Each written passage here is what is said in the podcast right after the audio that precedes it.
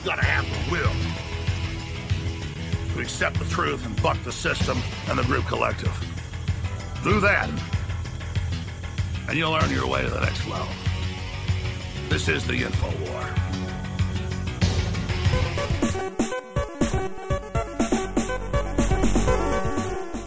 Velkommen, kjære lytter, til episode 173 av din favorittpodkast LOL-bua. Jon Cato Lorentzen heter jeg. I dag så skal det handle om kjendiser her i Lolbua. Kanskje et av de mest populære temaene vi har hatt noen gang. Eller hva, huggeren fra Heggen, Lars Rikard? Wop, wop. Hello, hello. I love you all, eh, Kjendis Norge. Vet dere vil ha meg med i Fire stjerners middag eh, osv., men det går ikke. Altfor opptatt med jobb i Harstad-tidene. Jeg må bare innrømme, jeg hørte ikke hva du sa egentlig, for det plutselig begynte å ringe her i telefonen. Det er en sånn leieboer som vil leie oss med. Men jeg regner med du eh, snakker om hvor populær jeg er. Jeg er veldig vant til at både du og vår andre medprogramleder bare sitter og faser ut mens jeg prater. Det er helt normalt for Lolbua. Men det jeg sa, var at vi har et kjendistema denne gangen. Nå er det jo jeg som har tatt sånn diktatorrolle i redaktørstolen og sier at nå skal vi ha det som tema. Ofte relatert Mm. til hjemmeleksa vi har da. Og vi har vel aldri hatt så bra respons på et tema noen gang. Nei, nei. Det er veldig bra. Over 80 eh, mer eller mindre herlige kjendishistorier har vi fått. I Entourage anbefaler alle å gå dit. Det er umulig å få med alle når vi skal gå gjennom lytterne sine greier. Lolbua Entourage på Facebook, altså. eh, Der er det fantastiske kjendishistorier. Jeg lærte i hvert fall mye nytt om kjendiser der. Vi skal dele noen av de senere i sendinga. Vi har jo med vår egen eh, eh, kjendis fra Sørlandet. Det mange ikke vet, er jo at eh, Magnus Tellefsen har flere ganger hatt sommerjobb som vikar for Julius. Når Julius ikke vil komme ut av buret sitt, så har Magnus tatt på seg en sånn drakt og underholdt publikum i Dyreparken. Det er helt riktig. Og eh, nå eh, de siste årene hvor jeg har blitt litt eldre og mer, og fått litt mer sånn kroppshår da enn enn disse her spe, i min spede barndom med sommerjobber, så, så er det slutt på drakt. Og nå er det bare eh, gjerne i en dongerishorts eller et eller annet sånt, og litt rundt og legger Julius i Dyreparken.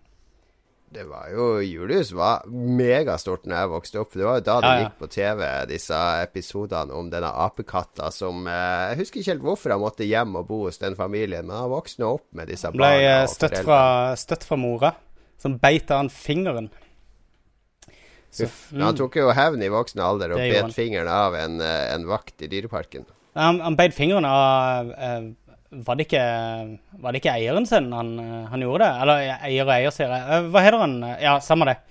Men Samme han, det, han klarte det. jo også, og jeg må bare nevne det, det er jo noe av det kuleste Julius noensinne har gjort. Dette var jo etter at han ble gammel og bitter og vanskelig og isolert fra de andre apene fordi han var så voldelig. Men uh, de har noe som heter Abøya, som er en sånn eh, øy med en sånn vollgrav uh, som, som er utendørs, da. Og det han presterte å gjøre, var å rive Og der står det liksom Der har de der eh, eh, design, interiørdesignerne har da eh, bygd sammen ei lita sånn trehytte der, så det skal se litt eh, Se ut som det skjer litt der. Og han reiv da døra ut av karmen på denne trehytta og kasta den i vollgrava, og så padla han over vollgrava på denne døra. eh, og brukte det til å stikke av. Og kom seg helt ut av parken. Så en trailersjåfør, løp inn i traileren og beida han fingeren. Nå tror jeg du blander med Rise of the Planet of the Apes, som du sant? så etter du hadde spist litt sånn dårlig indisk curry og hadde en marerittaktig natt. Julius var også den første apen som sa nei til mennesker. Det må vi ikke glemme. What? All right, Mahognus. Mahognus, min gode venn. Oi, oi. Takk for den historien om, uh, om eh, Julius. En av Norges største kjendiser. Det skal bli mer kjendisstoff eh, senere i Lolbua, men før det så skal vi ta for oss noen høstforsetter. Vi, eh, vi streber jo etter å være spre positive vibber her i Lolbua. Inspirere folk til å få bedre liv, eh, ofte gjennom våre anbefalinger av forskjellige ting som vi mener vil være berikende for folk. Og, og vi prøver vel også å, å gjøre våre egne liv bedre. Er det noen av dere som har noen mål til ting dere skal oppnå i høst? Jeg har allerede slutta å snuse, så jeg føler jeg kan bare coaste, coaste nå resten av året, egentlig. Det er bra. Det er bra Ja. forsett. Ja. Åssen har det gått? da? Det er halvannen uke uten snus nå? Nei, to uker, to og en halv kanskje til og med tre. To og en halv, tre Ja. uker. Um, det gikk ganske greit. Det var tøft første dagene. Så var det greit, og så begynte jeg på jobb, og så var det et helvete, for du er så vant til å snuse på jobb. Så, Mm. Ja, det er sånn vaneting. Vaneting ja, fort, sånne ting. så, så, s- når folk driver og drar frem snusboksen, for vi har vel en par som snuser fremdeles. eh, Men jeg har klart å holde meg. Kjenner at jeg, jeg, jeg har vilje av stål. Det her går bra. Ja. Du Stolt av deg, kompenserer, kompenserer du med godteri og sånn? Altså du eter dobbelt så mye godteri nå? Eh, Ja, jeg- plutselig i går lagde jeg meg et par sånne rundstykker jeg ikke egentlig trengte rett etter Mm. middag. For jeg måtte ha. Altså Når du blir mett, så, eh, du blir mett, så trigger du endorfiner i kroppen, som eh, gir eh, Mm. litt den samme følelsen som når du har tatt en røyk eller snus. Ja. Det er Det er jo mange, mange som slutter med nikotin, som går veldig opp i vekt. Ja. Du er ikke redd for det? Ikke sånn, Jeg føler ikke at et par kilo det vil ingen legge merke til på min kropp nå, så det går sikkert fint. Nei, jeg ser, jeg ser litt flere kilo nå, så blir du som han der, eh, han der tjukke krølltoppen som er med i sånne Hollywood-komedier. Han, han Jonah, Jonah Hill. Jonah Hill, ja. Ja, ser du? Hvis Lars hadde hatt krøllete hår med de brillene og det- Det er Jonah Hill. Jonah eh, Hill er jo smellfeit i ål. Nå er Gå du ikke for mye Jonah snill. Hill.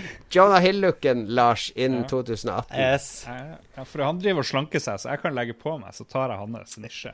Du kan uh, overta, for han balansere det ut. Du da, Magnus? Har du noe du skal oppnå i høst? Noen målsettinger du har satt deg? Um, ja, jeg skal begynne å trene fast igjen. Så nå er jeg i, eh, i en overgangsperiode hvor jeg har begynt å Basically slutta med kollektivtransport. Og eh, så mye jeg kan, i hvert fall, innenfor rimelighetens Ja. grenser. Og går overalt. Og um, jeg fikk ordna gjennom ei gammel klassevenninne, så fikk hun ordna sånn kompispris på eh, et års abonnement på Elixia. Så det er halv pris der. Så det, og jeg har en haug med Jeg har en Elixia nede i Bjørvika som er ja, fem minutter å gå hjemmefra.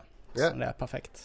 Det er mitt mål. Det, det er veldig godt mål. Jeg begynte å trene hardt for fire uker siden. Jeg har jo også et mål i høst, og det var å eh, Du skal ned i vekt. Jeg har jo holdt Ja, det, jeg har mange mål ned i vekt, jeg vet. Det går veldig bra. Mm. Eh, bedre kosthold og mer trening. Men så hadde jeg også at jeg skulle eh, spisse mitt mentale sinn. For jeg var så Jeg fikk en sånn overdose av sosiale medier i sommer. Jeg ble helt eh, eh, Jeg blir så oppgitt over alle storm i vannglass og all klaging og eh, det er så mange som sutrer så mye, så jeg har i fire uker nå så jeg har helt gitt opp sosiale medier. Og det må jeg si Jeg bruker mye mer tid på å lese bøker og aviser, og jeg leser jo papiraviser nesten hver dag. Mm.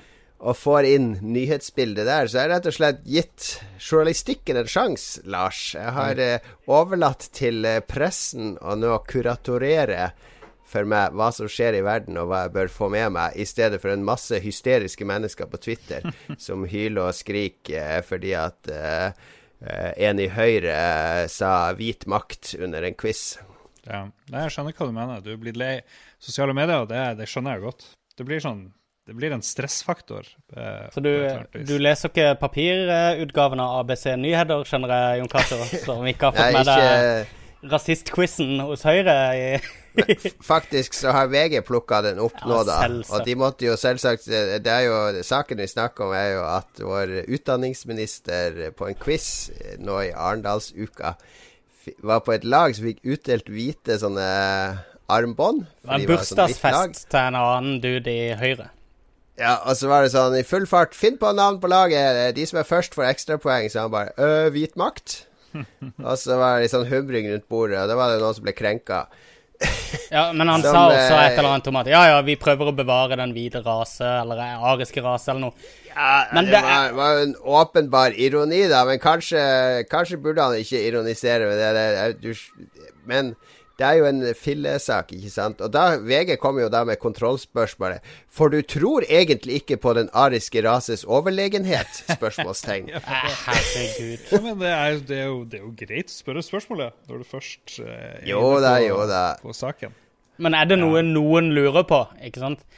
Er det et spørsmål noen trenger et svar på? Etter Men en nå sånn sitter jo lederen i verdens eh, mektigste land og nekter å fordømme nazister på en overbevisende måte. Ja, det er kjempe, kjempealvorlig. Og jeg er veldig Sant glad for at uh, alle våre dyktige journalister er på saken. At det ikke bare er saker om eh, havnesjefen og en eller annen dansk hjemmelagd ubåt. Men sakene blir jo Eh, mye større Jon Cato, hvis du må lese om de hele dagen i sosiale medier. Hvis du liksom, det er jo greit å registrere det på VG én gang, men hvis du må se det om og om igjen på Twitter og på Facebook, og jeg vet ikke, så da blir det jo ekstra slitsomt. Blir det ikke det? Jo, jeg syns òg det. Så det er en av grunnene til at jeg kutta ut. Og det, det, også det fordi ofte når jeg lå på sofaen med ungene på ettermiddagen og sånn, eh, og de ser på TV og ting er opptatt, så ligger du der og sveiper den der Twitteren i evigheter og Facebook og Instagram og whatnot. Og bare får tida til å gå. Og når jeg kutta ut det helt, så er det sånn OK, hva skal jeg gjøre nå? Jeg får lese litt New Yorker, en artikkel der. Eller jeg kan lese litt videre i boka mi på Kindle, eller spille på Switchen, eller Jeg må, jeg må i hvert fall gjøre noe mer engasjerende enn å bare få tida til å gå og lese om hvor- hva har vi blitt krenka av i dag. La oss eh, la ballen Ja, ligge der, ja. i hvert fall. Eh, vi kan jo gjøre det sånn at Magnus, du har ikke lov å lese nyhetssider fram til jul. Bare for at Du skal få alle dine nyheter fra sosiale medier, og så skal jeg få alle mine nyheter fra offisielle nyhetsmedier. Og så skal vi skrive en sånn write-up hver uke av hva som har skjedd. Og så kan vi sammenligne disse to. Det hadde vært eh, Her tror jeg det er en doktorgradsoppgave som ligger og lurer et eller annet sted. Hvis det ligger en doktorgrad og venter igjen når dette er halvåret, så kan vi snakke, Jon. Ellers så tror jeg Sweet, sweet, sweet. Vi kommer straks tilbake, og da skal vi snakke om hva vi har spilt i det siste.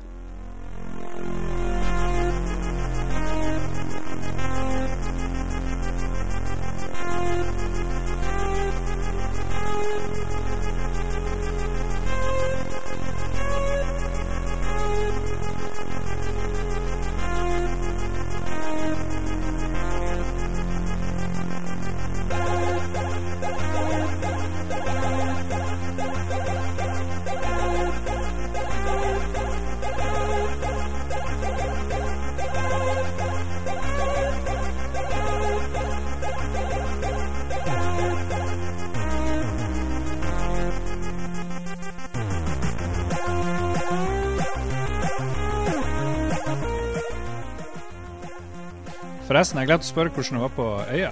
Du har jo vært uh, i en uke Ja, jeg på syns det var uh, Ja, det du kan, ja, du kan ta det. Spørre, spørre sånn naturlig nå. Jeg spurte jo. Du kan avbryte meg i introen og spørre. Ja. Cato, Da skal Hva? du Ja? glemte å, eh, å si i starten der hvordan det var på øya. Du har jo vært en uke og hørt på musikk, tatt kokain og hørt på øl. I, ikke den rekkefølgen. Hvordan var det? Jeg hørte på kokain og tok øl. Uh, nei, det var eh, Øya i år var faktisk eh, veldig bra. Jeg oppdaga mange, mange nye band som jeg nå har hørt på masse i ettertid på Spotify, sånn som The OCs og The Modern Times og uh, Car Seat Headrest.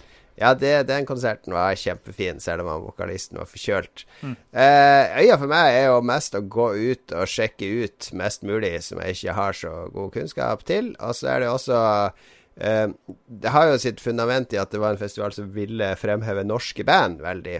Det var det det handla om i starten, og det har de holdt eh, mye på, for det er mange norske band som gjerne får sjansen til å ha en sånn megakonsert. Så jeg var på Blood Command på lørdag, som eh, det har sikkert Magnus òg et forhold til. Som er et kult metal-band, men som gjorde et veldig veldig kult show inne på Sirkus, da, med diger skjerm og masse psykedelia og eh, Ja. Uh, band tar ofte sånn Føler jeg i hvert fall norske band tar sånn ett steg ekstra på øya, fordi det er sånn stas å spille der. Så, så jeg så både norsk og utenlandsk. Jeg hadde fire fine dager. Du må jo være Jeg har jo vært på den øya mange år nå.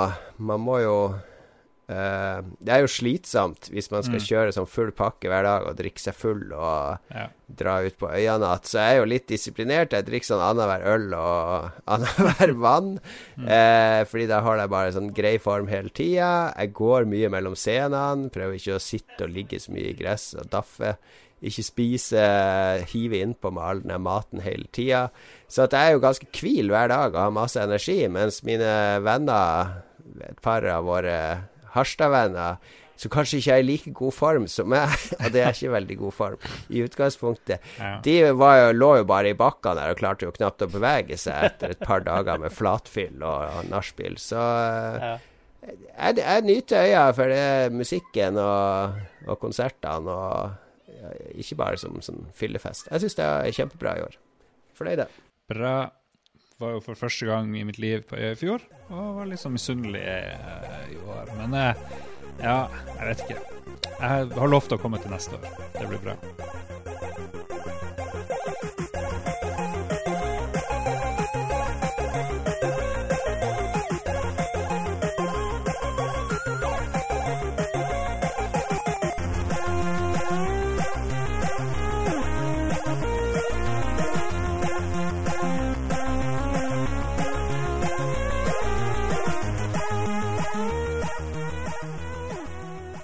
Men vi skulle snakke om hva vi hadde spilt i det siste. Jeg har jo ikke spilt så mye pga.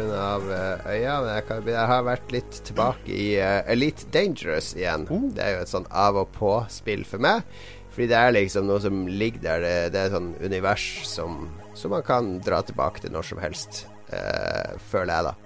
Så ja, ikke så mye å fortelle derifra. Alle vet vel hva det er. Det er sånn online romspill der du skal tjene penger på forskjellige måter. Du kan mine, du kan trade, du kan jakte pirater, du kan gjøre missions, du kan explore. Uh, utrolig bra lyd, utrolig bra uh, stemning. Utrolig bra kontroll hvis du har sånn Hotas-greier som jeg har. Det er ikke så bra på PlayStation, har jeg hørt, eller på Xbox. Litt chuggy framerate og du må nesten ha Hotas og PC og alle de funksjonene for at det skal være kult. For det har mye med innlevelsen å gjøre. Vet du hva frameraten er på PC? Er det, nei, er det under Nei, på Xbox, mener jeg. Er det under 30? Eh, jeg aner ikke, men eh, en av våre venner spilte det på PlayStation nå. Han var super Elite-fan fra gamle dager. Han var megaskuffa. Ja. Men eh, han eh, Ja. Er ikke så viktig, det. Men har du PC og Hotas og Elite, så, så Jeg stenger døra, ikke sant? Og da er, er jeg i det romskipet. Det er utrolig innlevelse i det spillet. Så kjempekoselig. Ja, du føler ikke behov for VR-innlevelse også? Jeg spilte litt med VR, men det er for dårlig oppløsning til å lese. Du må liksom lene deg frem for å lese skrifta på de skjermene rundt deg i romskipet og sånn. Så det blir Det er veldig, veldig kult i VR da, å spille en time eller noe sånt, men uh, jeg får ikke slappe ordentlig av. Jeg klarer jo så vidt å lese skrifta på den lille laptopen min, så jeg skjønner ikke hvordan du skal klare å lese noe i en svær cockpit. eh. Tenk på normale piloter. De sitter sånn her «Øh, Hva er det her for noe? Og så bare strekker seg rundt oppi det SAS-flyet sitt. Du må jo bare ta på deg VR-briller. Ja, nettopp. Lars, da. Du har besøkt uh, sinnssyke Du har vært i psykosenes eh, land. Psykosenes rike. Jeg har spilt der uh, Hellblade, Senua Sacrifice. Ganske billig spill på, på PlayStation. Det er jo de her eh, Ninja Theory som har lagd et eh, slags walking simulator med slåssing, eh, vil jeg si. Litt og puzzles, litt mer interaktivt enn selvfølgelig sånn her Walking Dead eh, walking simulatorer. Men, men, uansett. Det ser så pent ut, det spillet der. Jeg elsker stilen de her Ninja Theory har på spillene sine. Også i det der forrige som fikk ganske dårlig kritikk, som jeg ikke husker hva heter, men som ligner ganske mye. Eh, Heavenly Sword. Heavenly Sword. Det ser veldig likt Det var. PlayStation der. 3. Ja. ja, jo, det gjør det. Det er litt, litt den der eh, samme sånn tribal-greia. De har litt Karakterdesignet deres går igjen i alle spillene, altså spillfigurene og sånn. Ja, så- Estetikken rundt Og dem. her tar de det enda et skritt videre. De kjører inn FMV til og med. Jeg er ganske sikker på at det er vanlig video de har limt inn bak noe filter innimellom, hvor det kommer en sånn tryne og begynner å prate med deg. For du er jo ganske sinnssyk. Eh, Helt i starten av spillet så står det jo at du er det er noen psykologer involvert, og at eh, vi tar for oss psykose og sånt. Men du er i hvert fall ei dame i noe norrønt rike. Du drar inn til hell, inn til dødsverden for å finne en eller annen fyr som jeg ennå ikke vet hvem er, for å vekke vedkommende opp til døde. Og det er sykt bra miljøcombat. Litt sånn ensformig etter hvert, for det eneste som endrer seg, er egentlig mengden fiender du slåss mot. Ja. Men det lille man slåss, det er, det er ganske tøft. Det er det. Og mye bra pusling og litt mye det samme noen gang med puslinga, men eh, når du kommer deg et stykke videre, så syns jeg det er en slags variasjon som er verdt å ta vare på. og eh, Enn så lenge en eh, sterk, fin firer. Eh, det fikk vel gull og must play og recommended highly Ja. i Eurogame. Jeg har fått litt uh, splitta Ja, det fikk vel uh, recommended av Eurogamer. Mm. Så det eneste spillet i år som har fått ti av ti hos gamer.no, eh, var samme anmelder som ga Selda seks av ti, så det kan Ja. jo svinge begge begge veier. Altså, eh, men i Edge, nyeste Edge, så får det fire av ti. Så det er definitivt delte meninger om det. Ja, det skjønner jeg. Men det er jo litt gøy da, at vi har et sånt. For det er liksom ikke et trippel A-spill, det er liksom under der. Den typen spill vi ikke får så mye av eh, lenger. En ting du eh, kanskje burde nevne, Lars, er jo eh, lydbildet i spillet, som er helt unikt. Uh, hun her er jo spikspenna gal, hun dama, og superforvirra, så hun har en haug med stemmer, da. Som er fordelt overalt i 360 grader rundt hodet sitt til enhver tid. da. Og disse stemmene de prater med hverandre, de prater om henne, de prater til henne, de prater til deg inniblant. Eh, litt sånn indirekte. Eh, eller merket når jeg havna i noen av de første fightene, og det gikk dårlig, så fikk jeg sånn beskjed fra de stemmene sånn her Come on, focus! Focus! Og så bare Focus? Å ja, det er jo en, det er jo en funksjon hun har, ikke sant? Og jeg trykka inn focus-knappen, så bare Ja, da kan jeg gjøre det og det. Hvem er det som lager masse bråk her? Oppklar.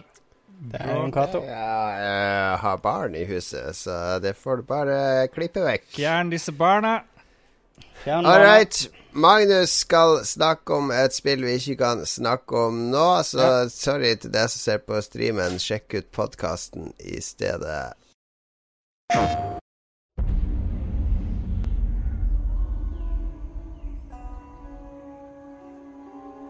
The trident, the bow and arrow,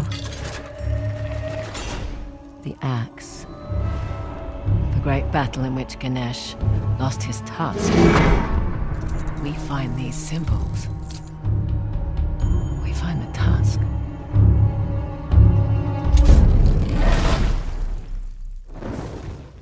That's supposed to happen? Dunno.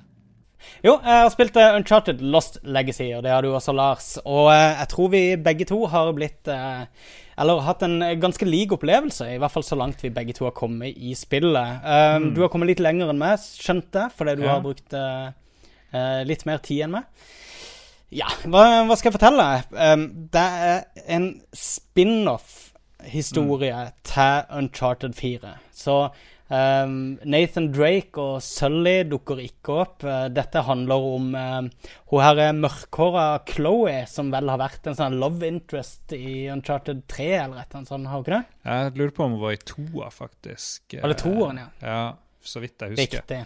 Pluss ei ny dame som kom vel i Uncharted 4, var det ikke det? Ja, riktig. Hun er um, leiemorderen, var hun ikke det? Hun er litt militant eh, fra Uncharted 4. Ja, hun som har det som heter Shoreline, det her private sikkerhetsselskapet. Hun heter Nadine, og det er jo hun som får drept 1000 cirka ansatte.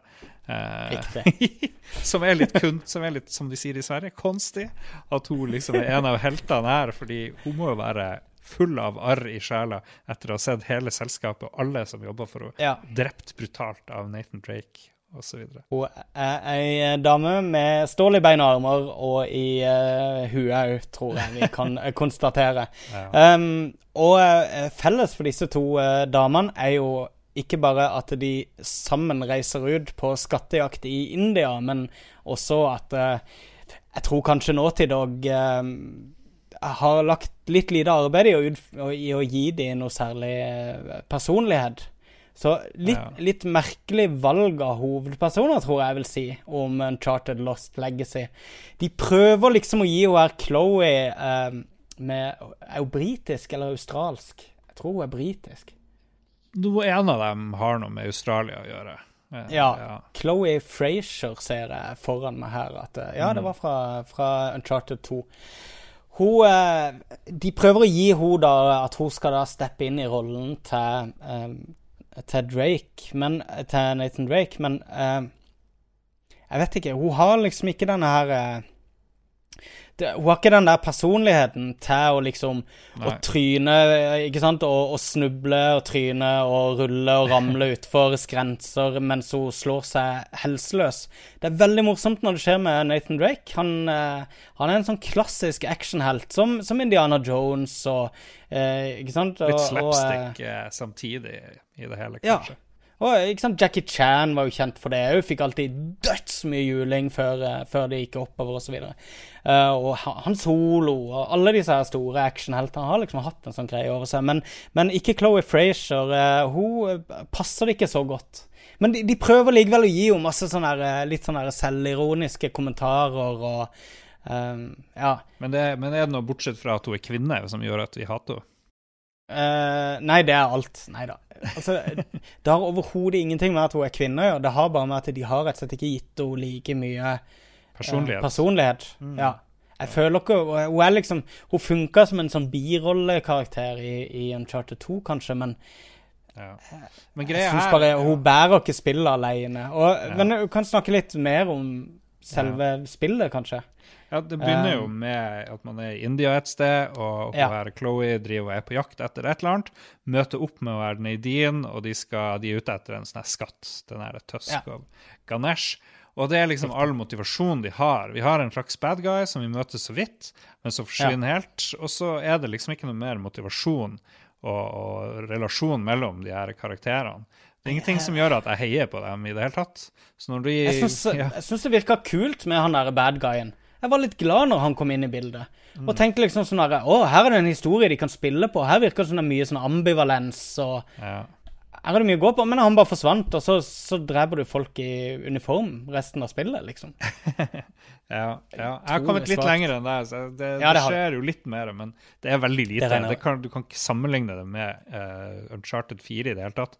Det er veldig Nei. lite sånne store set pieces som er litt sånn holy shit, hva er det som skjer? Det her er jævlig tøft.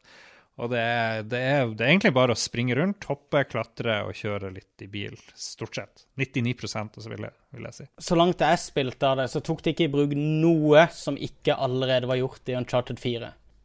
Ja, som jeg sa, det føles litt som Facebook-spillet til Uncharted 4. Det er kanskje litt hardt å, å si det sånn, da, men jeg husker når vi var små, så var det sånn at de alltid lagde en tegne, tegneserie til alle filmer, alle store filmer på kino.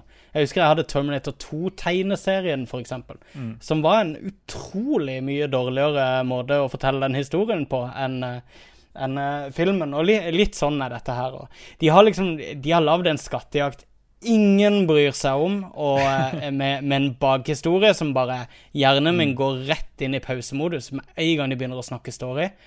Puzzlesene er altfor enkle. Det er eh, stappfullt av samleting som bare er der for å samle på.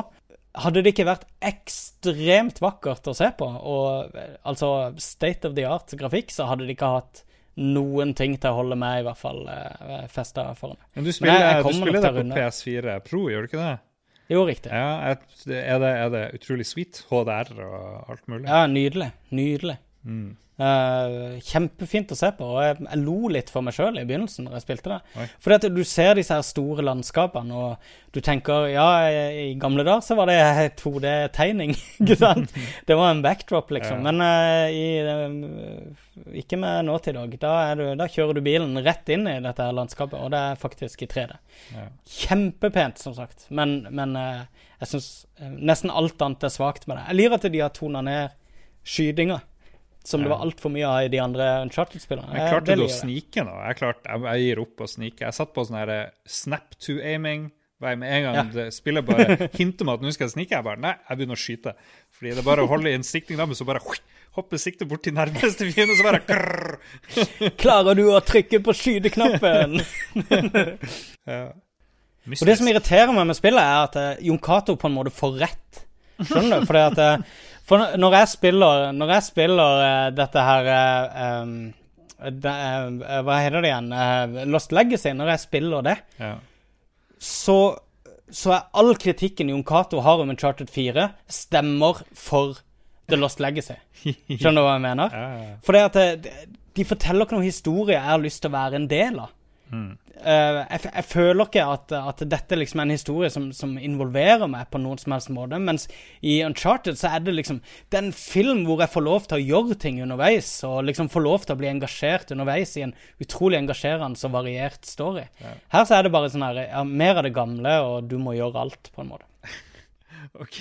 Nei, men jeg tror det får holde. Vi, vi har, har snakka i tolv minutter. 12 Ja da, men klipp det ned. Klipp det ned. Men, men altså, jeg høres veldig bitter ut. Men, Ja, men jeg, har spilt et, Jeg jeg har spilt det parallelt med eh, dette spillet du uh, hadde spilt siden sist. uh, Hellblade. Ja, ja. Og Hellblade føltes bare så mye mer sånn originalt og Ja. Jo, det gjør det. De, de prøvde mye mer å gjøre noe med sitt spill. Ja. Jo, det er tydelig, tydelig hvem som har noe å tape her. Det, det er ikke. Uncharted-folkene. Nei, det er nok riktig, det. Hva syns du, Lars? Hva er ditt eh, inntrykk? Du som har spilt litt lenger med. Eh, nei, jeg er helt enig med alt du sier. Jeg har aldri sett en så suicidal helt. Jeg tror hun slår, uh, slår Nathan Drake med at hvor du bare springer og hopper utfor en bygning og bare 'Det her går sikkert bra. Her går det helt fint.' Så lenge spillet lar meg gjøre det, så er jeg trygg på at nå går det Ja, nettopp. Ja. Ja, men, uh, men sånn har det jo bestandig vært, nesten også, da. Så jeg, jeg foretrekker tror bare det er mye tydeligere her. Ja, det er kanskje mer tydelig. Jeg foretrekker jo Tomb Raider-måten å gjøre det på. Det er litt mer Enig. subtilt. Em, nei, nei, nei. Uh, du får ri på en elefant. Spoiler. Det er kult. Åh, nå, eh, nå må jeg jo runde. Jeg må ri på elefanten. Nei, Jeg skal klippe det bort. Jeg må pipe det. Ja, ja. Nei, men bra. Vi kunne sikkert prata kjempelenge, og vi har ikke spilt det ferdig engang. Uncharted-podcasten. Ja. Det blir litt spoilers, men ja, ja. Men det er jo Det her er jo et av de store spillene i år, egentlig, for PlayStation. Ja, for Sony så er det det, faktisk. ikke det er litt trist? Takk for den innsikten, Magnus. Her kommer litt musikk, og så blir det kveldens tema kjendisprat.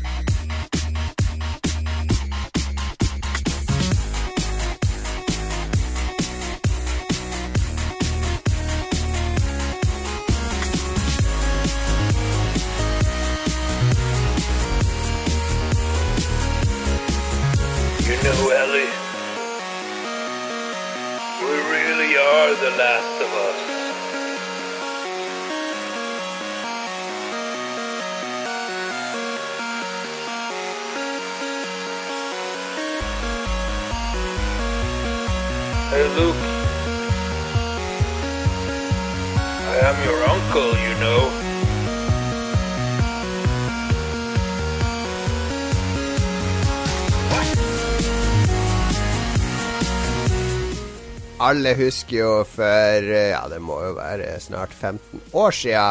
Den eh, gikk som en farsott over landet, den sangen. Kom igjen, Magnus, vær med og synge. Jeg ble bedt på et kjendisparty.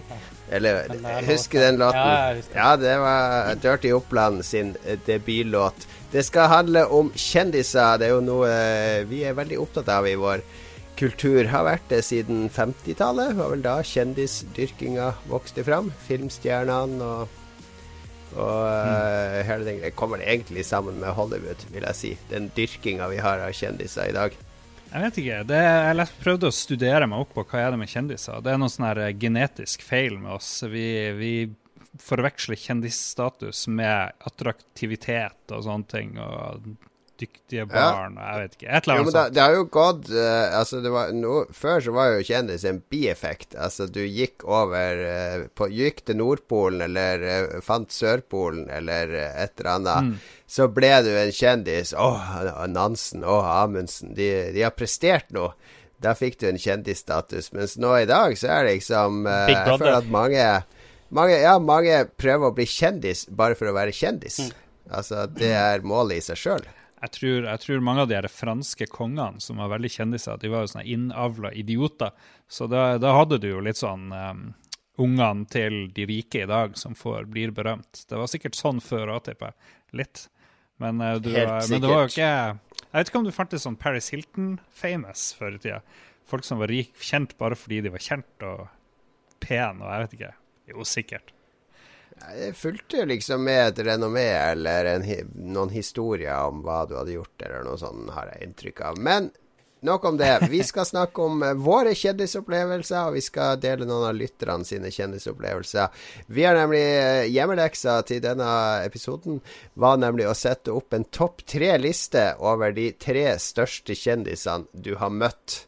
Eh, og da måtte jeg presisere litt. Altså, hvis du har vært på konsert med Lady Gaga, så har du ikke møtt Lady Gaga. Ikke sant? Hvis du møter kjendisene utenfor eh, performancen sin, eh, kan du si. Ja. Så, så ja, vi tok det som eh, premiss, og vi har laga hver vår topp tre-liste over kjendiser. Jeg møtte en annen ting som er vektlagt, det er jo at jeg har ikke tatt med sånn Rob Hubbard og alle, Jeg har jo møtt eh, veldig, veldig mange innen spill. Cliff Blesinski, Miyamoto, Yu Suzuki, hele den gjengen der. Men jeg tenker jeg må ta kjendiser som er kjent utenfor spill, da. Det er litt morsommere. Er det det? Ja, ja. Det får bli en sånn Vi får ta spillkjendiser en annen gang, da. Ja, det kan Ja. vi godt. Skal jeg ta min liste først, da, karer? Kjør på, jeg er spent. Ja, jeg starta nemlig med Kjendisparty, og det er en grunn til det, nemlig. For på tredjeplass så har jeg faktisk eh, Onkel P og Johnny. Og det er ikke fordi at de er de giga største kjendisene jeg har møtt, men det er fordi at uh, når jeg jobba i spill.no, så var vi hele tida på jakt etter uh, annonsepenger, og vi Eh, var et plateselskapet til eh, Onkel P og Johnny. De skulle komme med Geir og Lasse-CD-er. Så tenkte vi eh, hva om vi får de inn som gjester, så kan vi lage video der de snakker om spill, sitt forhold til spill og sånn. Uh, og så gjorde vi det, og da var, filma vi Da var de på besøk, og da satt jeg i sofaen da og spilte NBA 2K12, eller hva det var for noe med Johnny mens onkel P var på kamera foran oss og prata. Og så bytta vi. Satt der og spilte basket med onkel P. Veldig hyggelige gutter. Veldig ja, ganske flinke i NBA òg. Så ga jeg de spillet når jeg var ferdig. Da ble de kjempeglade. Det var tidlig ut. Så, det var, var et jordnært møte med to, eh, to veldig bra rappere, vil jeg si. Du i begynner, norsk du begynner med å si at du skal ikke snakke om din tid som spilljournalist. Det første du gjør, er å dra frem et eksempel fra din tid som spilljournalist. Ja, men, Men dette var jo musikere. Ja, ja, ja. Ja, det er sant. For så vidt. For så vidt. Men jeg kan gå videre til andreplassen, der, for da må vi nemlig til utlandet. Da må vi til en, en filmpremiere i Oslo på Colosseum, der de hadde invitert han som hadde hovedrolla til filmen. Og da eh, tror jeg, jeg tror filmselskapet hadde tenkt at nå kommer det sånn her 100 stykk til å stå utenfor Colosseum der på den røde løperen. Men vi var åtte personer som sto der denne tidlige ettermiddagen. Åtte stykk, eh, der jeg kjente kanskje halvparten av de. Og her kom limousin, og ut av limousin så kom Leslie Nilsen. For Oi, det var nemlig nice. premiere på 'Mann med den nakne pistol 33 og en tredjedel'. Ah, ja, med OJ Simpson. Så ja, OJ Simpson var dessverre ikke med. Men uh, Leslie Nilsen kom ut i uh, tuxedo. Jeg tror han ble litt skuffa av at det sto sånn åtte mannfolk der, og så klappa høflig. Tror du han er vant til å ha horder av damer som uh, jakter på han? Nei, jeg vet ikke hva han er vant til, men han var i hvert fall veldig høflig. Opp med hånda. 'Thank you, thank you', sa han. Og ja. Eh, Høflig, hyggelig mann. og så til slutt Førsteplassen. Det her skjedde på E3 for flere år siden. Eh, det var en periode på E3 der wrestlingspill var veldig stort, og da de eh, THQ var det vel som hadde disse spillene, tvang alle mulige wrestlere til å komme på E3 for å signere. Ja, Og der inn, innom der var jo The Rock og ja, hele den gjengen var jo innom der. Eh, Så, og da var det jo gigakø og kaos rundt den der THQ-standen, så jeg prøvde jo ofte å unngå den. Men samtidig så prøvde jeg å gå forbi der bare for å se om jeg fikk et glimt av en av disse wrestlerne. For jeg, jo, jeg har alltid vært litt glad i wrestling. Og så var det når jeg gikk forbi der en av de dagene, torsdagen var det vel, så så jeg det satt en du der oppe, men det var ingen kø. Ingen folk. Han satt bare alene ved det bordet, og ingen som ville ha autografen eller ta bilde med han. Så jeg tenkte ok, jeg får gå opp til han. Og fordi han som satt der, var jo selveste Jerry Lawler. Altså Jerry the King Lawler, Yes. som nå er kommentator i VVE. Men også han som hadde den beefen med Andy Kaufman på 70- og 80-tallet, der de sloss på Letterman. Og han var også med i filmen med Jim Carrey, der han spilte seg sjøl. Så han er jo en av disse gamle og veldig kule wrestlerne. Jeg har alltid likt han som kommentator òg. Sånn gammel kåtskalk som hyler og skriker og, og så videre. Så jeg dro opp og hilste på han og fikk et signert bilde som jeg ga til en kunde i Akersmik som var sånn mega wrestling-fan. Og jeg, Jeg syns jo litt synd på han, for han satt der helt alene oppe på, oppe på podiet. Men uh, det er jo håndhilsbanen, så det betyr at det har vært uh, er, hvis, hvis han ikke har vaska seg siden han slåss med Andy Kaufman, så har jeg jo Andy Kaufman sin, sin uh, DNA i håndflata mi, for jeg har ikke vaska meg etter det eteret der. Bra, bra, bra. bra. Nei, det er solide, solide mm, møter. Føler det var eh, når, du, når jeg treffer kjendiser, så blir jeg en slags, eh, eh, et slags insekt og det dårligste mennesket jeg kan være, nesten. Eh, spesielt hvis jeg er full. Så jeg føler at du, du mangler det, det eh, aspektet i din historie, men det har jeg tenkt å dra med deg. Men jeg kan, jeg kan, Ja, vente, på. på, jeg kan vente på Magnus. Jeg føler okay. jeg føler det her eh, du, du kan ikke toppe min, min nedverdigelse. All right, Magnus, kjør på dine topp tre kjendismøter. Ja, jeg har gått for litt på sånn derre eh, De gangene jeg virkelig har kjent på kjendisgreier, som har vært litt sånn personlig viktige for meg, der og da i hvert fall. Eh, Den aller første er um, Stein Glenn Håberg, som dere sikkert aldri har hørt om. Uh, han var en legendarisk eh, startspiller og brannspiller og Lillestrøm-spiller etter hvert. Men han, han kom fra Voibyen, samme som meg. Han spilte på Våg, samme som meg, før han liksom rykka opp til Start. Og var liksom en av um, Han var en del av det startlaget som skikkelig rula på 80-tallet. Og han drev For det, dette var jo på tida da, da ingen fotballspillere i Norge kun spilte fotball. De hadde jo jobber ved siden av det. Og Stenglen Håberg var eh, i lærerutdanning. Og han hadde uh, som praksis på Sjøstrand skole, der jeg gikk på skole. Og han hadde praksis i vår klasse. Og han hadde meg som favorittelev. Så det var dritkult. Og eh, det var første skikkelig sånn her eh, OK, jeg har fotballkortet hans sitt. Jeg har sett han på stadion. Og nå står han her rett ved siden av meg og prater med meg og prøver å lære meg ting på skolen. Det var skikkelig stort for meg. Det husker jeg fremdeles som en skikkelig uh. En fotballspiller, det hadde jeg gitt deg høye odds for at du hadde Ja, fotballspiller på denne lista. Nå ble jeg imponert. Ja. Satser på at um, Erik Myggen Mykla Men nå er vi andre, liksom i- Og så har vi han uh, Nå- Matta Mathisen på første. Nå tror jeg vi er i 88 cirka med Stenglen Håberg. Okay, okay. Så det er langt tilbake. Jeg var bitte liten. Um, og så har du Når jeg begynte i uh, første klasse på videregående, så uh, jeg, jeg gikk jo på ei linje som heter allmenn EDB, som, eh, som datautdanning het på den tida. Eh, og vi var blant de første i landet som hadde fri tilgang på internett på skolen. da. Vi lærte å, sant, eh, HTML og sånne ting. Eh, det gjorde også at vi oppdaga IRC, hele gjengen. Og eh, jeg satt altså i hvert fall ti timer om dagen satt jeg på IRC enten hjemme på min far sin dial-up-modem eller på skolen mens, og alt tabba ut mens vi eh, var i undervisninga. Jeg, jeg hang veldig mye på ei gruppe som heter Metal på den tida der, hvor jeg ble utrolig god kompis med en som heter Beergut. Han heter Beergut fordi at uh, han hadde slutta med speed eller et eller annet sånt, og hadde lagt på seg så mye, så han hadde fått sånn svære svær ølvom. Men oppdaga jeg helt tilfeldig en da jeg satt og prata med han, at han var bestekompis med bassisten i Neurosis, som var mitt favorittband på den tida. Um, Dave Edwardson. Så når de skulle på europaturné, og de hadde jeg, jeg vet ikke om de hadde vært i Norge før. Uh, ikke som jeg visste om, i hvert fall, mens jeg kjente til bandet. Så når jeg visste de skulle komme til, uh, til Norge, så sa han typen til meg så bare Ja, men bare si hvilken konsert du skal på, så eh, sier jeg beskjed til Dave, så, så får du møtt han og bandet og alt sånt der.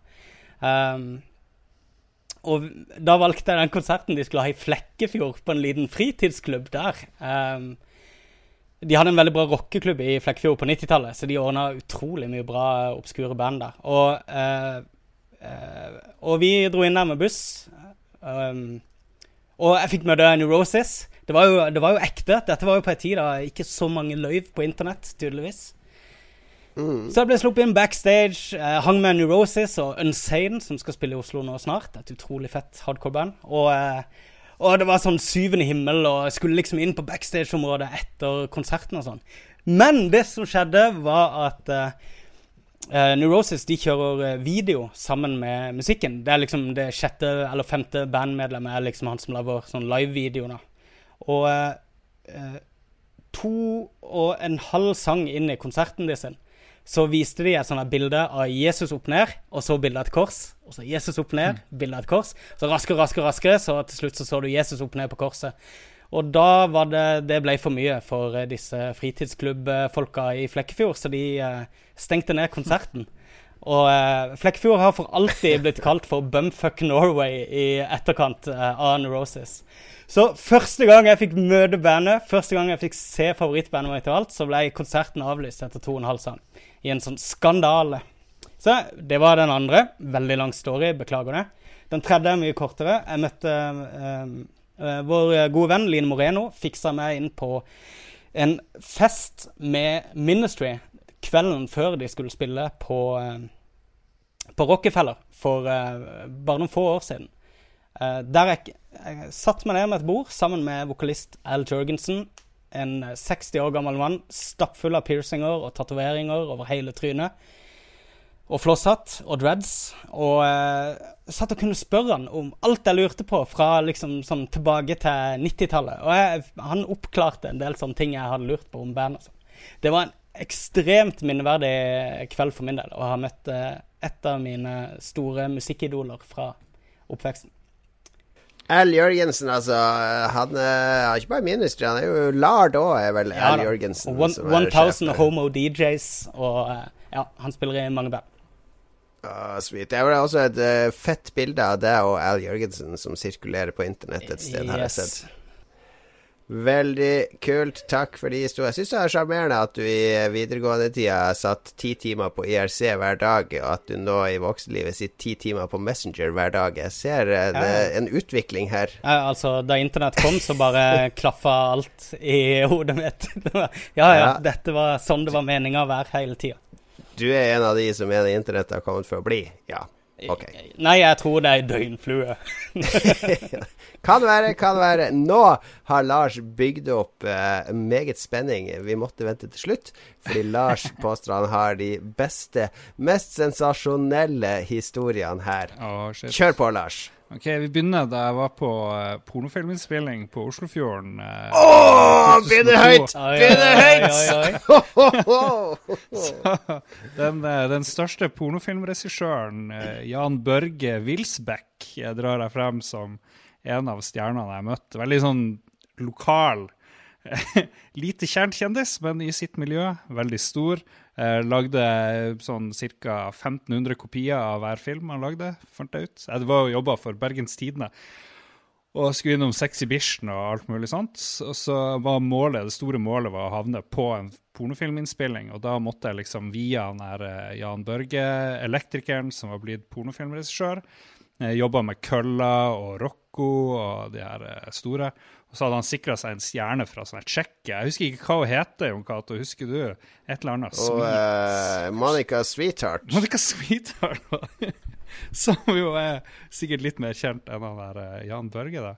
Uh, og hun hadde med seg sin bamse av en manager, som også var manager for Sylvia Saints, uh, fikk jeg vite. Og det var mye, Jeg fikk følge med my- veldig mye av den delen av pornofilmbransjen innenfra. Først eh, på besøk på Pornobladet, der Cupido. Så innom Sexhibition, backstage og hit og dit. Fikk jo eh, fikk se mye sånn her, eh, våtservietter, spesielt under pornofilminnspillinga ute, på porn- ut på fjorden der. Jeg måtte jo bestikke, ta med bagetter for å få lov å bli med. Bagetter og mineralvann. han var ganske vanskelig, han der Jan Børge. Og så var det jo å se den ville innspillinga. Det var faen meg den dårligste pornofilmen jeg har sett som jeg fikk se i levende live. For det er ja, Jeg vet ikke. Men i hvert fall, Monica Sweetheart. Um, mye lengre historie. Eh, ble mye bråk ut av det der. Mye debatt. Og, men jeg var ute en kjempevarm sommerdag i Oslo. Eh, svetta, veldig kleint. Mye lukt av sånn eh, glidekrem ute på Oslofjorden med noen, eh, noen av de store i norsk pornobransje. Du fikk ikke tilbud om å være med?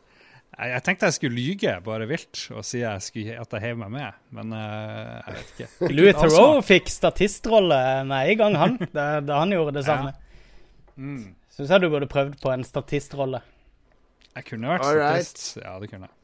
Monica Sweetheart eh, og han eh, Jan, Jan Børge, var det du kalte han? ja. På tredjeplass. Bra tredjeplass. Da er jeg spent på fortsettelsen. Ja, nå går det bare én vei her, håper jeg. Vi går, vi går videre til uh, uh, Norges mest berømte kokk, uh, vil jeg påstå. I hvert fall back in the days. Hun Ingrid Espelid Hovik. Oi, ja. ja, Som, eh, som um, det var, Jeg bare benytter meg fullstendig av sånne jobbrelasjoner her. Så det var dekte en utstilling oppe i Alta. Uh, utstilling av bilder av bygg som mannen hennes hadde tegna, som er død for lenge siden. Han, et eller annet Hovig eh, het han til etternavn. Tegna Ishavskatedralen i Tromsø. Harstadkirka. Harstad kirke, Harstad kino. Mye, mye stilige greier. Og da havna jeg på middag med Ingrid Espelid, ble invitert eh, med i, på Alta, hotellet i Alta det store. Stay on target, stay on target. Kom igjen. Fokus! Fokus. Ja, det var, men jeg bare digga, fordi um, uh, foreldrene mine spiste middag med og Ingrid Espelid en gang, og så tok faderen et bilde, og han var jo død uh, for en stund siden, så da tok han sånn skålebilde med og Ingrid Espelid. Så da fikk jeg remake av det, da. Ja, med meg og Ingrid Espelid. Ja. Ja, det er kult. Ja, det er veldig morsomt. Hun er jo dødskul. Ja, hun har jeg skikkelig sans for. Hun hadde vært på uh, bucketlista mi hvis hun var i uh, Altså å møte henne. Eh, hvis hun var i live ennå. Jeg har uh, si i, uh, i hylla hey. bak meg her, faktisk. Ja. Stor fan. Eh, det var på Alta hotell. Det var de som hadde motto 'alltid et hode foran'. Ja, ja. Vet du hva mottoet var da Ingrid Espelid var der? Alltid en persilledusk ekstra. Alltid et smalahove foran. Ah. OK, ta førsteplassen, da. Førsteplassen um, jeg, og jeg var ute på byen rundt uh, år 2001-2002 eh, i Harstad. Det var da, da du sist var ute på byen. Ja. Um, og så ser jeg og hun jeg er i lag med, er noen kjendiser på utestedet Gammelbrygga, som jo nå er fullstendig bare står og råtner på rot nede ved brygga, som seg hør og bør. Og der er farsken med eh, Ramsi og anemona fra Big Brother. Eh, Er det toppen din? Ramsi og anemona fra Big Brother, det er topp eh, Ja. det er selvfølgelig ikke de største, de største kjendisene, men, Men historien er, er bra. Det er bare det, det møtet som har satt det mest spor, for jeg har aldri vært så pinlig berørt nesten i hele mitt liv ah, ja. som da. For vi er ganske full. Uh, vi er ganske fan av Big Brother, for det var jo første sesongen var nettopp ferdig, eller hva det var. Uh, stor ståhei. Heide på han der Lars Hva han heter for det? Jeg husker ikke hva han heter. Han heter kanskje ikke Lars. Han Ja, som la, han ble med i lompelandslaget og sånn etterpå. Han var Ja. den med talenter. Han med talent. Anyway, vi finner ut vi skal kjøpe dem eh, øl, fordi det var morsomt. Morsomt å treffe sånn C-kjendiser. De var jo liksom de der trashy i, i eh, Big Brother. Du hadde liksom Rodney, hun der um, Hun var utro, var hun ikke det? Med han der Rodney og Anette. Ja, Ja, og Anne. Mona, Anne Mona hadde vel både mann og barn, Ja. tror jeg, når hun kom inn. Og så ble jo Ramsi kom jo inn det første. Han sa 'Er det noe knulling?' og hadde med seg dildo i kofferten. Og han var, han, la- han var egentlig ganske forut for sin tid. Ja. For Folk var litt mer sånn danna på reality-TV i starten. Men han var helt på det Paradise Hotel-planet i dag. Og jeg husker hvor ille berørt jeg var da vi gikk, jeg og dama, bort med øl til Anne Mona eller hva det var, og drev og erklærte hvor kul vi syns hun og han der Ramsi var. Sånn 100% mente det in the moment. Samtidig Jesus. som en del av hjernen bare Hva er det du holder på med? Hva er det du holder på med? Her driver du og snakker med veldig trashy reality-folk de luxe.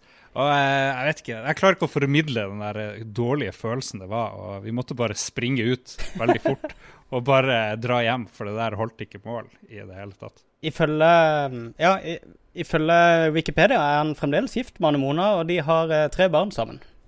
Ja. Det var som å krype på gulvet og, og, og sleike skoene til noen folk. Uff, Det var det. Så, høres eh, ja. slitsomt ut, ja. Ja, ja, ja. Så det var nå det var nå mine god. Veldig bra.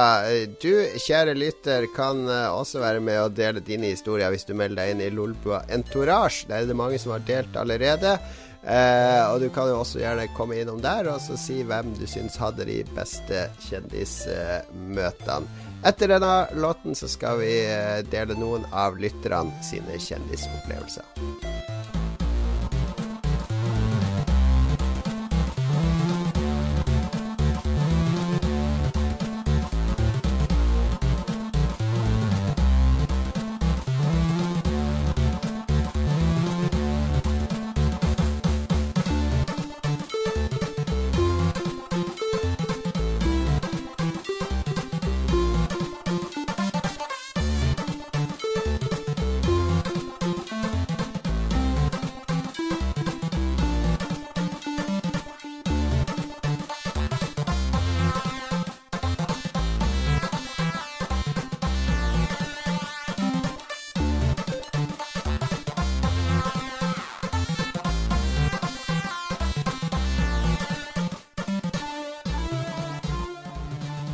Er tilbake, og nå skal lytterne få ordet. Vi har fått ekstremt Vi har aldri fått så god respons på en tematikk noen gang. Det er tydelig at kjendiser engasjerer også spill, uh, spillinteresserte. Ja, og det Folk har møtt veldig mye bra, og så er det noen som åpenbart lyver. Eh, noe sinnssykt, sånn som han som sto på vannski med Hitler, f.eks. Vi vet ikke at det er løgn, og det syns jeg er litt for presumptivt av det her. Og automatisk. Så var det noen som lå med noen fra i Oslo Hva det heter Døden på Oslo S. Og det er jo verdens eldste film, så da må jo de være jeg vet ikke. Verdens eldste mennesker. 60 år. Det tror jeg ikke på. All right. Ta oss og Spol igjennom et par uh, her, Lars. Ja, både Peter Parker og Stian Hellem Kristiansen drar frem Jon Cato som en kjendis. Oi. Det regner jeg med du blir fornøyd med. Eh, Peter Parker nevner deg på Spillekspo og Atle Antonsen. Du er på nivå med Atle Antonsen eh, for noen her, ja, ikke sant? Takk, takk, for den. Takk ja, for den. Så har du han Stian som så deg på daglig på Hamar togstasjon, men torde aldri å stoppe og si hei. Det burde han gjort. Ja, det er ikke farlig. Jeg blir bare lettere irritert, så det er ikke, det er, jeg blir ikke sint. Det er veldig Kanskje hver tiende person maks som du angriper fysisk, er det ikke det? Ja, ja, ja, sånn cirka. Ja. ja. Du vet jo aldri hvem du er. Kristian Tjessem, er det noen som vil ta han? Han er jo en eh, demomann, så vidt jeg har fått med meg. Ja, han har vært Han har truffet både Ben Daglish og Rob Hubbard og eh, Matt Gray. De traff jo vi òg i år når vi var der nede, Magnus. Ja. Og Dave Haney, eh, Commodore Amiga-dude. Eh, så der fikk vi litt spillkjendiser. Uh, Henning Rottwit derimot, han har et ganske bra møte. Han møtte Toby Maguire nice. i heisen i Park Quiet i Tokyo. Ja, det er nice. Så, ja, Spiderman i heisen, som han sier. han håndhilste på han, eh, rett og mm. slett. Ja. Uh, Robert Carstensen og en kompis var så fulle at uh, de syntes de bare kunne følge etter bandet etter en Hurra Torpedo-konsert.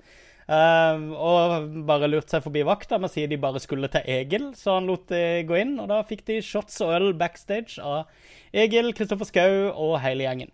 Hele Duplex-gjengen, altså. Det var visst en morsom gjeng. De har jeg også vært ja. på en del fester med. Det er ganske, ganske sant, det han sier der. Ja. Det tror jeg på. Uh, Øystein Dahl ble holdt og vogga av Wenche Foss på flytur til Trondheim. ja, kanskje det. Det er jo morsomt. Og så nevner han en som heter Michael McKean, aka David St. Hubbins fra This Is Spinal Tap. Det er jo litt kult, da. Det er Veldig kult, ja. Det er. Tror du Wenche Foss er flink til å vugge barnet i seng? Å, se det skjønne barnet og gira meg! jeg, jeg ser for meg hun hadde en nanny til han Fabian Stang. Jeg, ta, jeg, tror Fab, Fabian er nanny-materiale. Ja, jeg kan ta den her Truls Nordby-historien her, fordi den er så komplisert. Uh, de skulle inn og se Tintin på kino i London, uh, han og broren. Kom 40 minutter før og ble nekta å komme inn fordi det er premiere for dem. Her. Eh, de forklarer til vakta at de har billett, og eh, de skulle gjerne kjøpt litt badeskum i kiosken før de går inn i salen. Nå bør jo alarmklokken begynne å ringe her.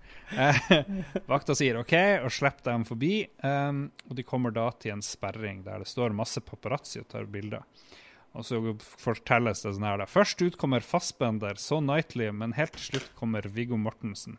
Jeg som er litt full og jævla gira på badeskum, roper 'for ræva i gir, vi vil se Tintin' på norsk.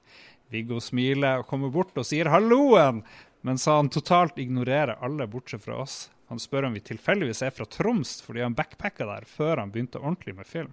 Så fikk han den kjipe vakta til å slippe oss forbi, og rett før vi går inn, så hvisker han 'filmen sug, ikke si det til Peter'. Eh, bra. Jeg veldig å si at det der er en sann historie fra Truls Nordby. Jeg håper det. Vi, eh, vi, stoler blindt. Hvis det står på internett, så må det være noe sannhet i det.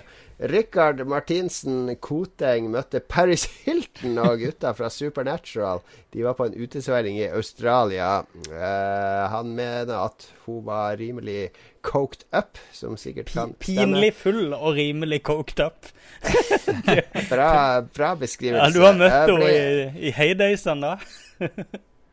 Han ble invitert på bar med de, dro dit, hang der litt, så ble han lei og dro hjem og spilte Amped på Xbox 1. Veldig bra spill. Jeg er helt enig med deg, Rikard Koteng. Det var en klassiker på Xbox 1, og helt riktig valgt. Um, Alexander L Erlingsen uh, sier det må nok være den eneste gangen jeg var i nærheten av en kjendis, som er da Fridtjof Wilborn var på selveste Bjarkøy etter avslutninga av Farmen, når den var på Grytøya. Har du vært Farmen på Grytøya, Lars? Ja, ja, ja, det var det for lenge, lenge siden. Oi, oi, oi. Ja, det var stort. Og eh, ja, nå savner jeg han der eh, Wilborn eh, Ja. junior. Fridtjof Wilborn junior. Han, Han savnes daglig. mob mobba vi ut. Utilgi oss. Ja, vi beklager. Det var okay. mens uh, Lolbu ennå var i sin spede barndom og ikke vi visste hva vi gjorde. Ja. Skal vi se eh, Ole Jørgen Øverby ble stående og diskutere tursekker med Ray Park på London Film og Comic-Con. Ray Park er det han der eh, stuntfyren i Star Wars, eller hva det er? Eh, eller husker jeg feil? Han snakka også med Sean Gunn og David Prowse. Jo, David Prowse i hvert fall, det er jo Darth Vader, er det ikke det? ja, det, han er i kroppen til Vader. det er. Eh, alt blekner jo sammen med rockestjernene. Han reiste med Jostein, Jack og Ida fra Rad Crew. Shout Oh, hell yeah! Hell yeah. Vi har han eh, Torbjørn Praus Skau, som var på brukt uh, vinylsjappe i Camden for ti år siden. Skulle si etter Herbie Hancock. Nå er det mye name-dropping av kule steder han har vært, og kul musikk han liker. Jazz var i kjelleren. Uh, står lett i vinyl, så kom det en Keys til, så lett i raden ved siden av. Eh, og da han var ferdig, så spurte uh, han om han hadde sett noe Herbie Hancock. Nei, det hadde han ikke. Og så sa han det var noe kjent med han. Uh, har ikke sett det før. It's possible I'm an actor, svarer mann. Og oi, det er Tim fra The Office. Altså eh, Martin Freeman, som også spiller i Fargo første sesongen. Han spiller jo i Hobbiten, kanskje er veldig kjent for den. The Office, ja. Shaun of, Shaun of the Dead, osv. Veldig kul, uh, jordnær type. Uh, etter en liten prat så gikk han opp med den skiva han hadde funnet, og stilte seg for å betale. Martin stilte seg bak han, og de prata litt mer sammen. Det hørtes ut som et veldig hyggelig kjendismøte. Og slipp han helt på slutten. Han har også møtt Mike Patten tre ganger. Skal jeg fortelle, oh, tre gang. skal jeg fortelle min uh, Mike Patten-opplevelse? Selv om uh, han sto Ja. på scenen og jeg sto i publikum, veldig kort. Jeg sto en meter unna og så Mike Patten rope ut til publikum eh, I want one of you Norwegian Vikings to puke in my mouth. Og da sto han med en sånn her eh, stokkingstrømpe over trynet, som han spjæra opp. Og en sånn her to meter høy, sånn her tynn, klissete metal-dude stakk fingrene i halsen og sto og spøy ned i kjeften på Mike Patten, som knelte på scenen under han her uh, metal-duden. Og han drakk alt spyet som kom ned i kjeften på han, og så reiste han seg og sang videre. Det var en ganske ekstrem opplevelse. Bra. Veldig bra. Vi er, ja, takk for det. Vær så god. vi er vel nesten ferdig. Jeg husker ikke hvem sin tur det er. Christian kan- Langeland. Ja, du tar det, Magnus. Ja. Kristian Langland møtte David Fox, nemlig, fra Lucasfilm Games. Eh, Uh. Kjent fra spill som Monkey Island, Zack McCracken, Maniac Mansion osv. Meget trivelig fyr som hadde artige historier fra gamle dager i spillindustrien. Ja, han er jo en av de, en av de gamle traverne, hæ? Ja, det er han. Det her er bare toppen av isfjellet. Det er fullt av kjendishistorier. Veldig mange morsomme eh, historier i Lolbua Entourage, vår Facebook-gruppe for den harde kjernen av Lolbua-lyttere. Der eh, ja, Den letteste måten å få kontakt med oss, er å være med i Entourage. Takk til alle lyttere som har delt eh, historiene sine med oss. Vi har kommet til eh, vår, eh, en av våre svært faste spalter. En som jeg tror folk liker òg, fordi når vi legger ut anbefalingen i, eh, på Facebook, når vi husker det, da, så får vi ofte litt feedback på det. Jeg har ofte hørt fra flere som har sjekka ut ting som vi har anbefalt her. Det er altså her vi anbefaler ikke spill, men eh, alt annet som du kan gjøre. Det kan være alt fra treningssenter, det kan være dansekurs, det kan være teaterstykke, det kan være en bok, det kan være restaurant. Det kan være I Lars sitt tilfelle kan det være ganske abstrakt, men han har litt friere tøyle enn oss her. Lars kan anbefale å åpne øynene om morgenen når du står opp, f.eks. eh, når han er desperat nok. Skal vi begynne? Jeg ser at Lars er inne på en konseptuell anbefaling, så kanskje vi skal ta der Lars hadde det beste først. Kanskje vi skal begynne med det verste først? Jeg anbefaler konseptet og personen Norm MacDonald. Um, det var altså suksess å anbefale Frank Sinatra og delvis Dean Martin, så nå går jeg til Norm MacDonald. En av de beste komikerne eh, USA har ja. fostra opp. Uh, utrolig vittig fyr, veldig tørr humor til tider. Uh, var med lenge i Saturday Night Live, hvor han hadde en weekend update. Hvor den var utrolig mer, hadde mye mer brodd enn det har i dag de drev og gjorde narr av eh, folk på ganske forferdelig måte. Eh, Ikke minst så, var han jo Burt Reynolds i eh, Jeopardy, Celebrity Jeopardy på oh, gamle Saturday Night Live. Ja, det var bra. Det må dere finne frem. Oi, oi, oi. Men eh, for tida så Han har jo for ikke så lenge siden gitt ut en standup-greie på Netflix. Mm. Ikke sånn superbra, helt OK. Um, men så har han et show på YouTube og på podkast. Jeg anbefaler YouTube-versjonen. Eh, Norm MacDonald Live, hvor han har eh, en del eh, knallgode gjester. Blant annet David Letterman har han hatt. Han har hatt Bob Saget, Ray Romano, Adam Sandler. Mike Tyson den kan dere hoppe over. Det er umulig å skjønne hva Mike Tyson sier. Han driver for å lespe. En ny Steven Merchant. Eh, også en som heter Bobby Lee, en sånn liten asiatisk mann som er utrolig morsom. Han begynner med en historie om da han sugde penis eh, til en person. eh, Russell Brand-episoden er superbra.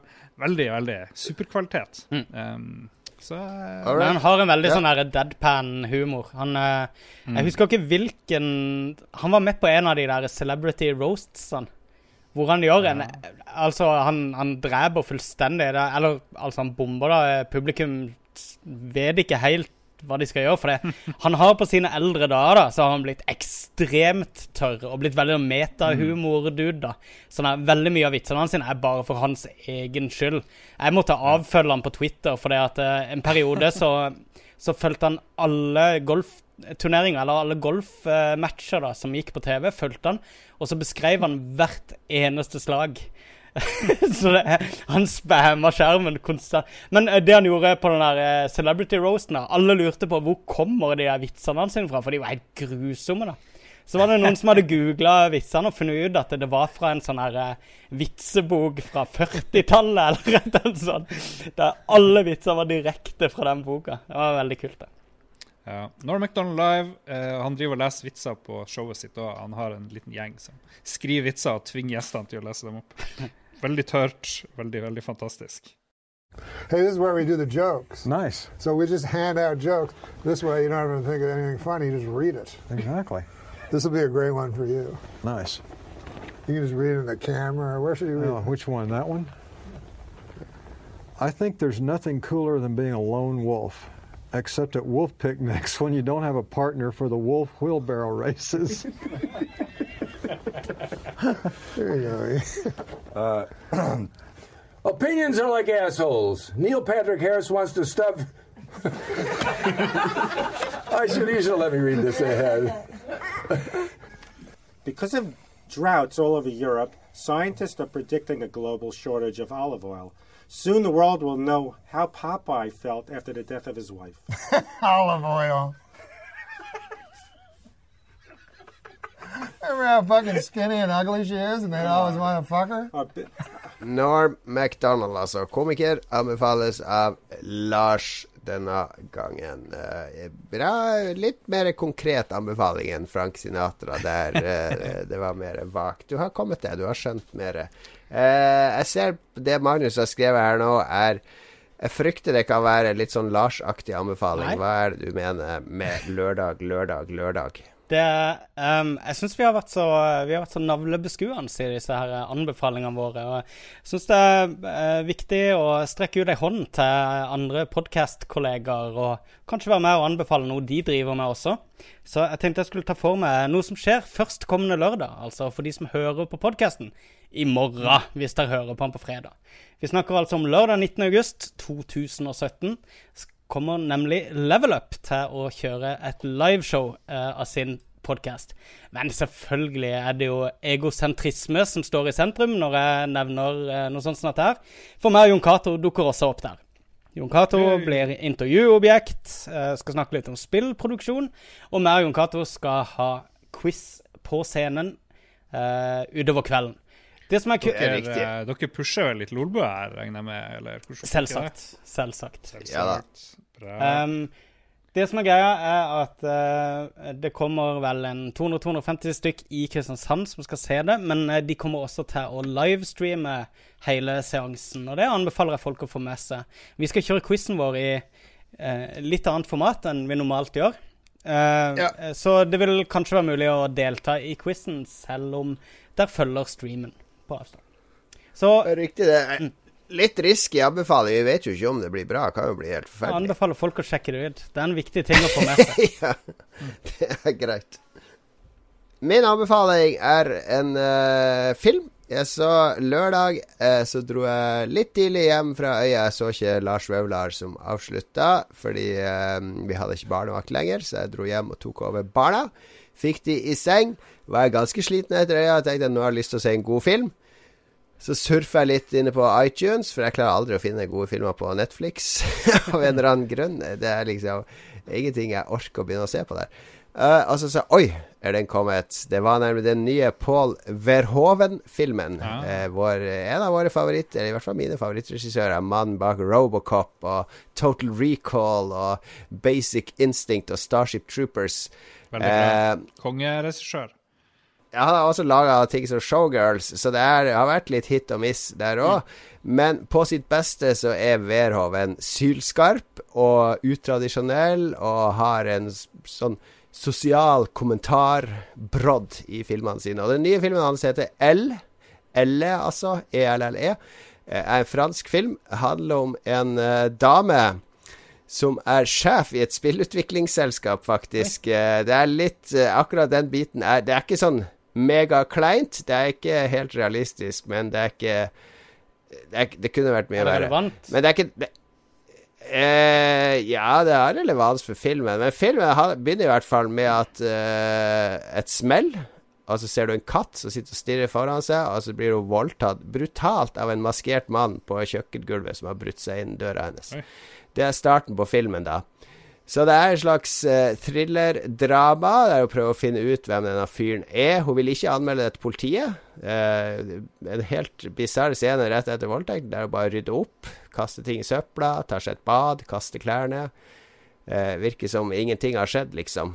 Uh, så det, det, er ganske merkelige personer i denne filmen. Det, er, det handler litt om franske borgerskapet, altså denne øvre middelklassen i Frankrike. Uh, mye beksvart humor. Det er mange steder jeg lo høyt. Uh, der det er meninga man skal le, men det er så mørkt at det er litt sånn sånn Du setter liksom latteren i halsen. Mm. Og uh, det er en historie om eh, hvordan Det er jo en sånn gjennomgangstone i mange Veroven-filmer om kvinner i offerrollen, og hvordan de reiser seg opp og tar makta tilbake. Ja. Det så, det er en sånn historie. Men uh, det er Jeg tror ikke Vera har laga film på åtte år, eller noe sånt. Det er hans første film på seks ja. eller åtte år, eller noe sånt. Et supersolid comeback. En helt unik film. Ikke, minner ikke om noe som helst sånn Hollywood-greier. Uh, tar vendinger som du aldri ser komme, og har et persongalleri som er helt strålende. Alle, alle de folka som er med i filmen, har quirks og er minneverdige. Så Elle av Paul Verhoven er ute nå på iTunes og sikkert andre leiesteder. Da var det over for i dag. Men noe vi glemte sist gang, det er jo at vi skal jo ha en hjemmelekse hver gang. Altså Andre podkaster som vi ikke skal nevne navn på, kalles det, kaller det ukesoppdrag. Jeg er veldig var på at vi ikke skal si det, for da kan vi bli saksøkt av eh, Monster, eller hvem det er som har den podkasten. Så vi kaller det hjemmelekse. Eh, hjemmeleksa til denne episoden var jo Kjendislisten. Hjemmelekse til neste episode, gutta, handler om eh, har rett og slett tittelen 'Morgentryne'. I neste episode skal du beskrive dine morgenritualer. Altså, fordi morgenen er jo noe av det mest private vi har. Det er da man helst ikke vil snakke med folk. Det er da man trenger litt tid på å komme seg. Så hva gjør du? Hva er det, hva er det du først gjør fra vekkerklokka ringer? Eh, hva, det, hva gjør du? Går du ut av senga? Går du på badet? Hva gjør du på badet? Hva spiser du til frokost? Hvordan er dine morgenrutiner helt fram til du enten går ut av døra, sånn som meg og Lars gjør, eller Magnus setter seg foran PC-en og liksom kommuniserer med omverdenen. Helt fram til du begynner å Jeg jobber, er jeg. liksom i jobb Ja, eller du er i jobbmodus. Du er eh, i offentligheten, Skjønner. kan du si. Så vi skal beskrive det ganske detaljert, føler jeg. Så detaljert som mulig. Da blir det det er noe man egentlig aldri deler med noen, er hva man, hvordan morgenrutinene er. Og det, Der får lytterne vite, og, og, og vi hverandre, ikke minst, vite ting om hverandre som vi aldri har visst. Fantastisk. Og som en del av oppgaven så skal vi altså ta et bilde av oss sjøl om morgenen med en gang vi har stått opp. Altså Det første du gjør når du kommer inn på badet og slår på lyset, skal du ta en selfie. Så vi kan dele i entorasjet vårt. Jeg hadde en app som eh, Microsoft utvikla for eh, mobil, som, som var en del sånne eh, eksperimentelle måter å, eh, å våkne på, der de tok i bruk all teknologien de driver og jobber med. Og du skulle da annet ta en selfie av deg sjøl, der du skulle uttrykke eh, eh, sånn der sadness eller happiness. sånn der. Og jeg, jeg hadde de kuleste selfiene fra, fra den tida der. For det, du prøver så hardt du kan å se sint ut eller glad ut, og sånn, og du ikke klarer å åpne øynene. Veldig kult. Veldig kult. Ja, veldig kleint og veldig kult. Men vi skal i hvert fall huske å ta et bilde en morgen denne uka. Og det her, det her skal altså være morgenrutiner på en hverdag, ikke på lørdag og søndag. Det, det, er, det er bare koserutine, det. Her skal være på den harde hverdagen. Kan jeg bare skyte inn en eventuelt eh, til slutt? Bare en kjapp eh, sånn oppsummeringsgreie av ting vi ikke har rukket de siste ukene, som vi burde ha rukket. Det er, vi har lytterspalte som vi ikke har rukket. Det blir vi ikke å rekke i dag heller. Eh, vår venn Ståle, eh, son of Alec Baldwin, har levert flere nyhetsspalter vi ikke har rukket å gå gjennom. Um, vi har ikke klart å diskutere at uh, Nintendo Switch fortsetter å er en suksess. Um, uh, PlayStation Plus har satt opp prisene. GTA 5 driver og er crazy uh, vellykka. Uh, det har kommet en ny 2D XL uh, Nintendo, Mm. ny Så jeg vet ikke, Han bruker Han liker sånne Overwatch-nyheter. Jeg vet ikke helt hvorfor, men han nevner For det er vi begge to spiller det. Så. Jeg gidder ikke å nevne det. Det har kommet ny superoppdatering til No Man's Sky med masse masse ting. Det, Det nevner du. Om. Det nevne. Og et eller annet med at eh, Nintendo saksøks for patentbrudd. Jeg vet ikke. Det er jo ting der vi må, vi må kjøre litt uh, nyhetsspalte nå fremover, gutta. Ja. Ja, vi må diskutere nyhetsspalten uh, etter sending. Uh, takk for i dag, i hvert fall. Takk for at du hørte på. Vi høres igjen om en uke. Da får du rapport fra Kuben i Kristiansand og våre mest intime morgenritualer. Kilden i Kristiansand. Sara, sorry, sorry, sorry. Ha det! Ha det bra. God morgen.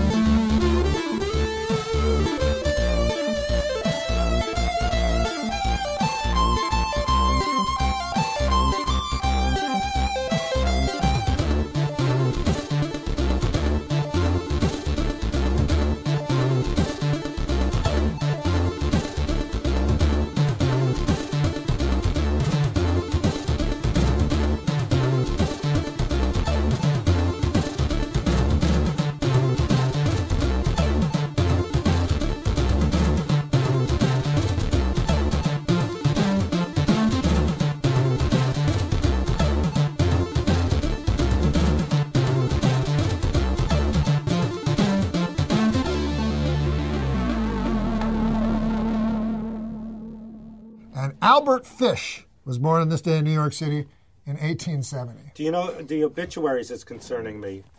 I'm a little worried because people are dying in alphabetical order. Who? Who the fuck is Albert Fish? What? Who the fuck is Albert Fish? Oh, Albert Fish? I've never heard of that guy. He was known as the Gray Man. The Grain Man? The Gray Oh, the Man. Grain The, the werewolf of Wisteria. I um. You know why he was known as the Gray Man? Because when they, he was a serial killer.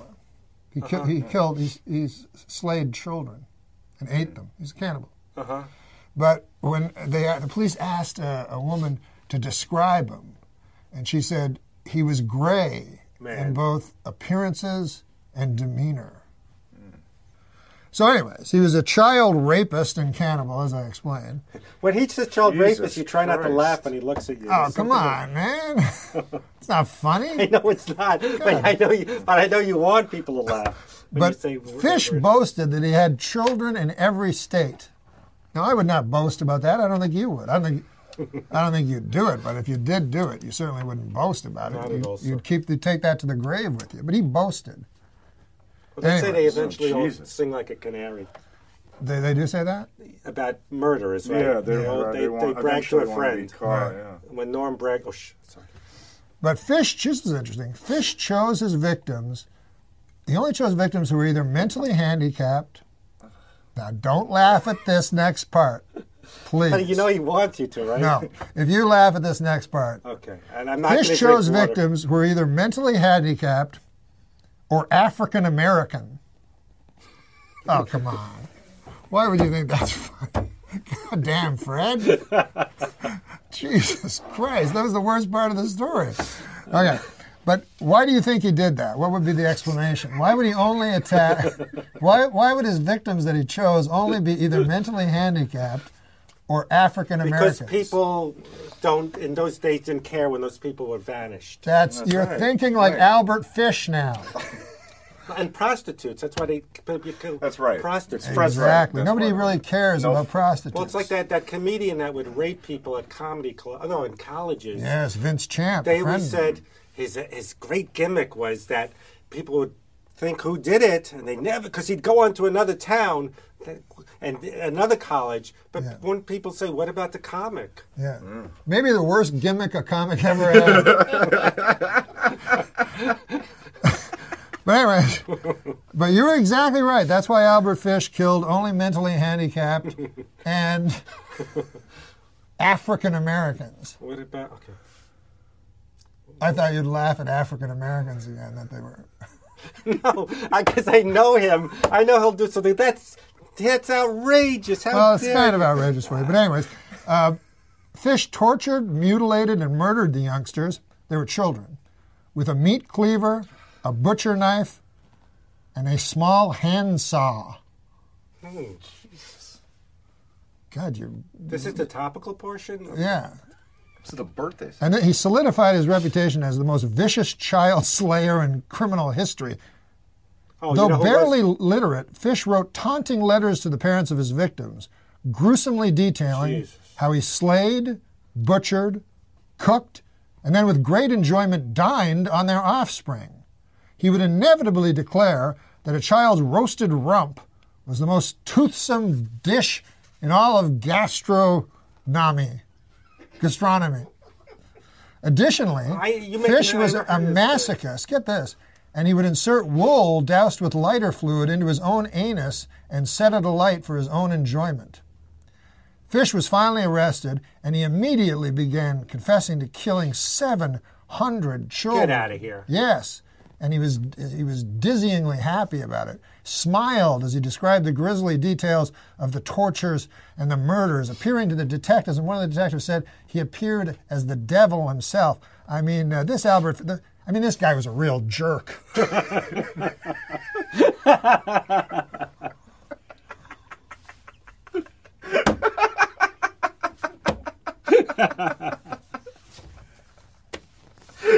now I know there was no Albert Fish. Because I would have heard about that.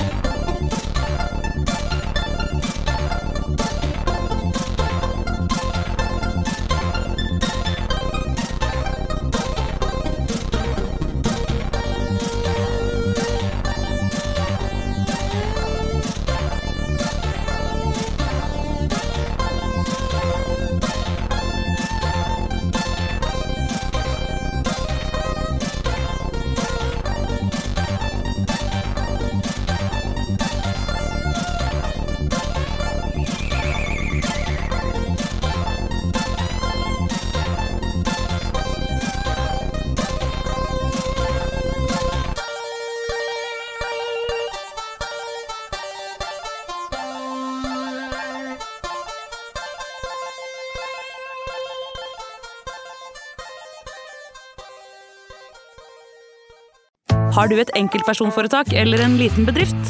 Da er du sikkert lei av å høre meg snakke om hvor enkelt det er med kvitteringer og bilag i fiken, så vi eh, gir oss her, vi. Fordi vi liker enkelt. Fiken superenkelt regnskap.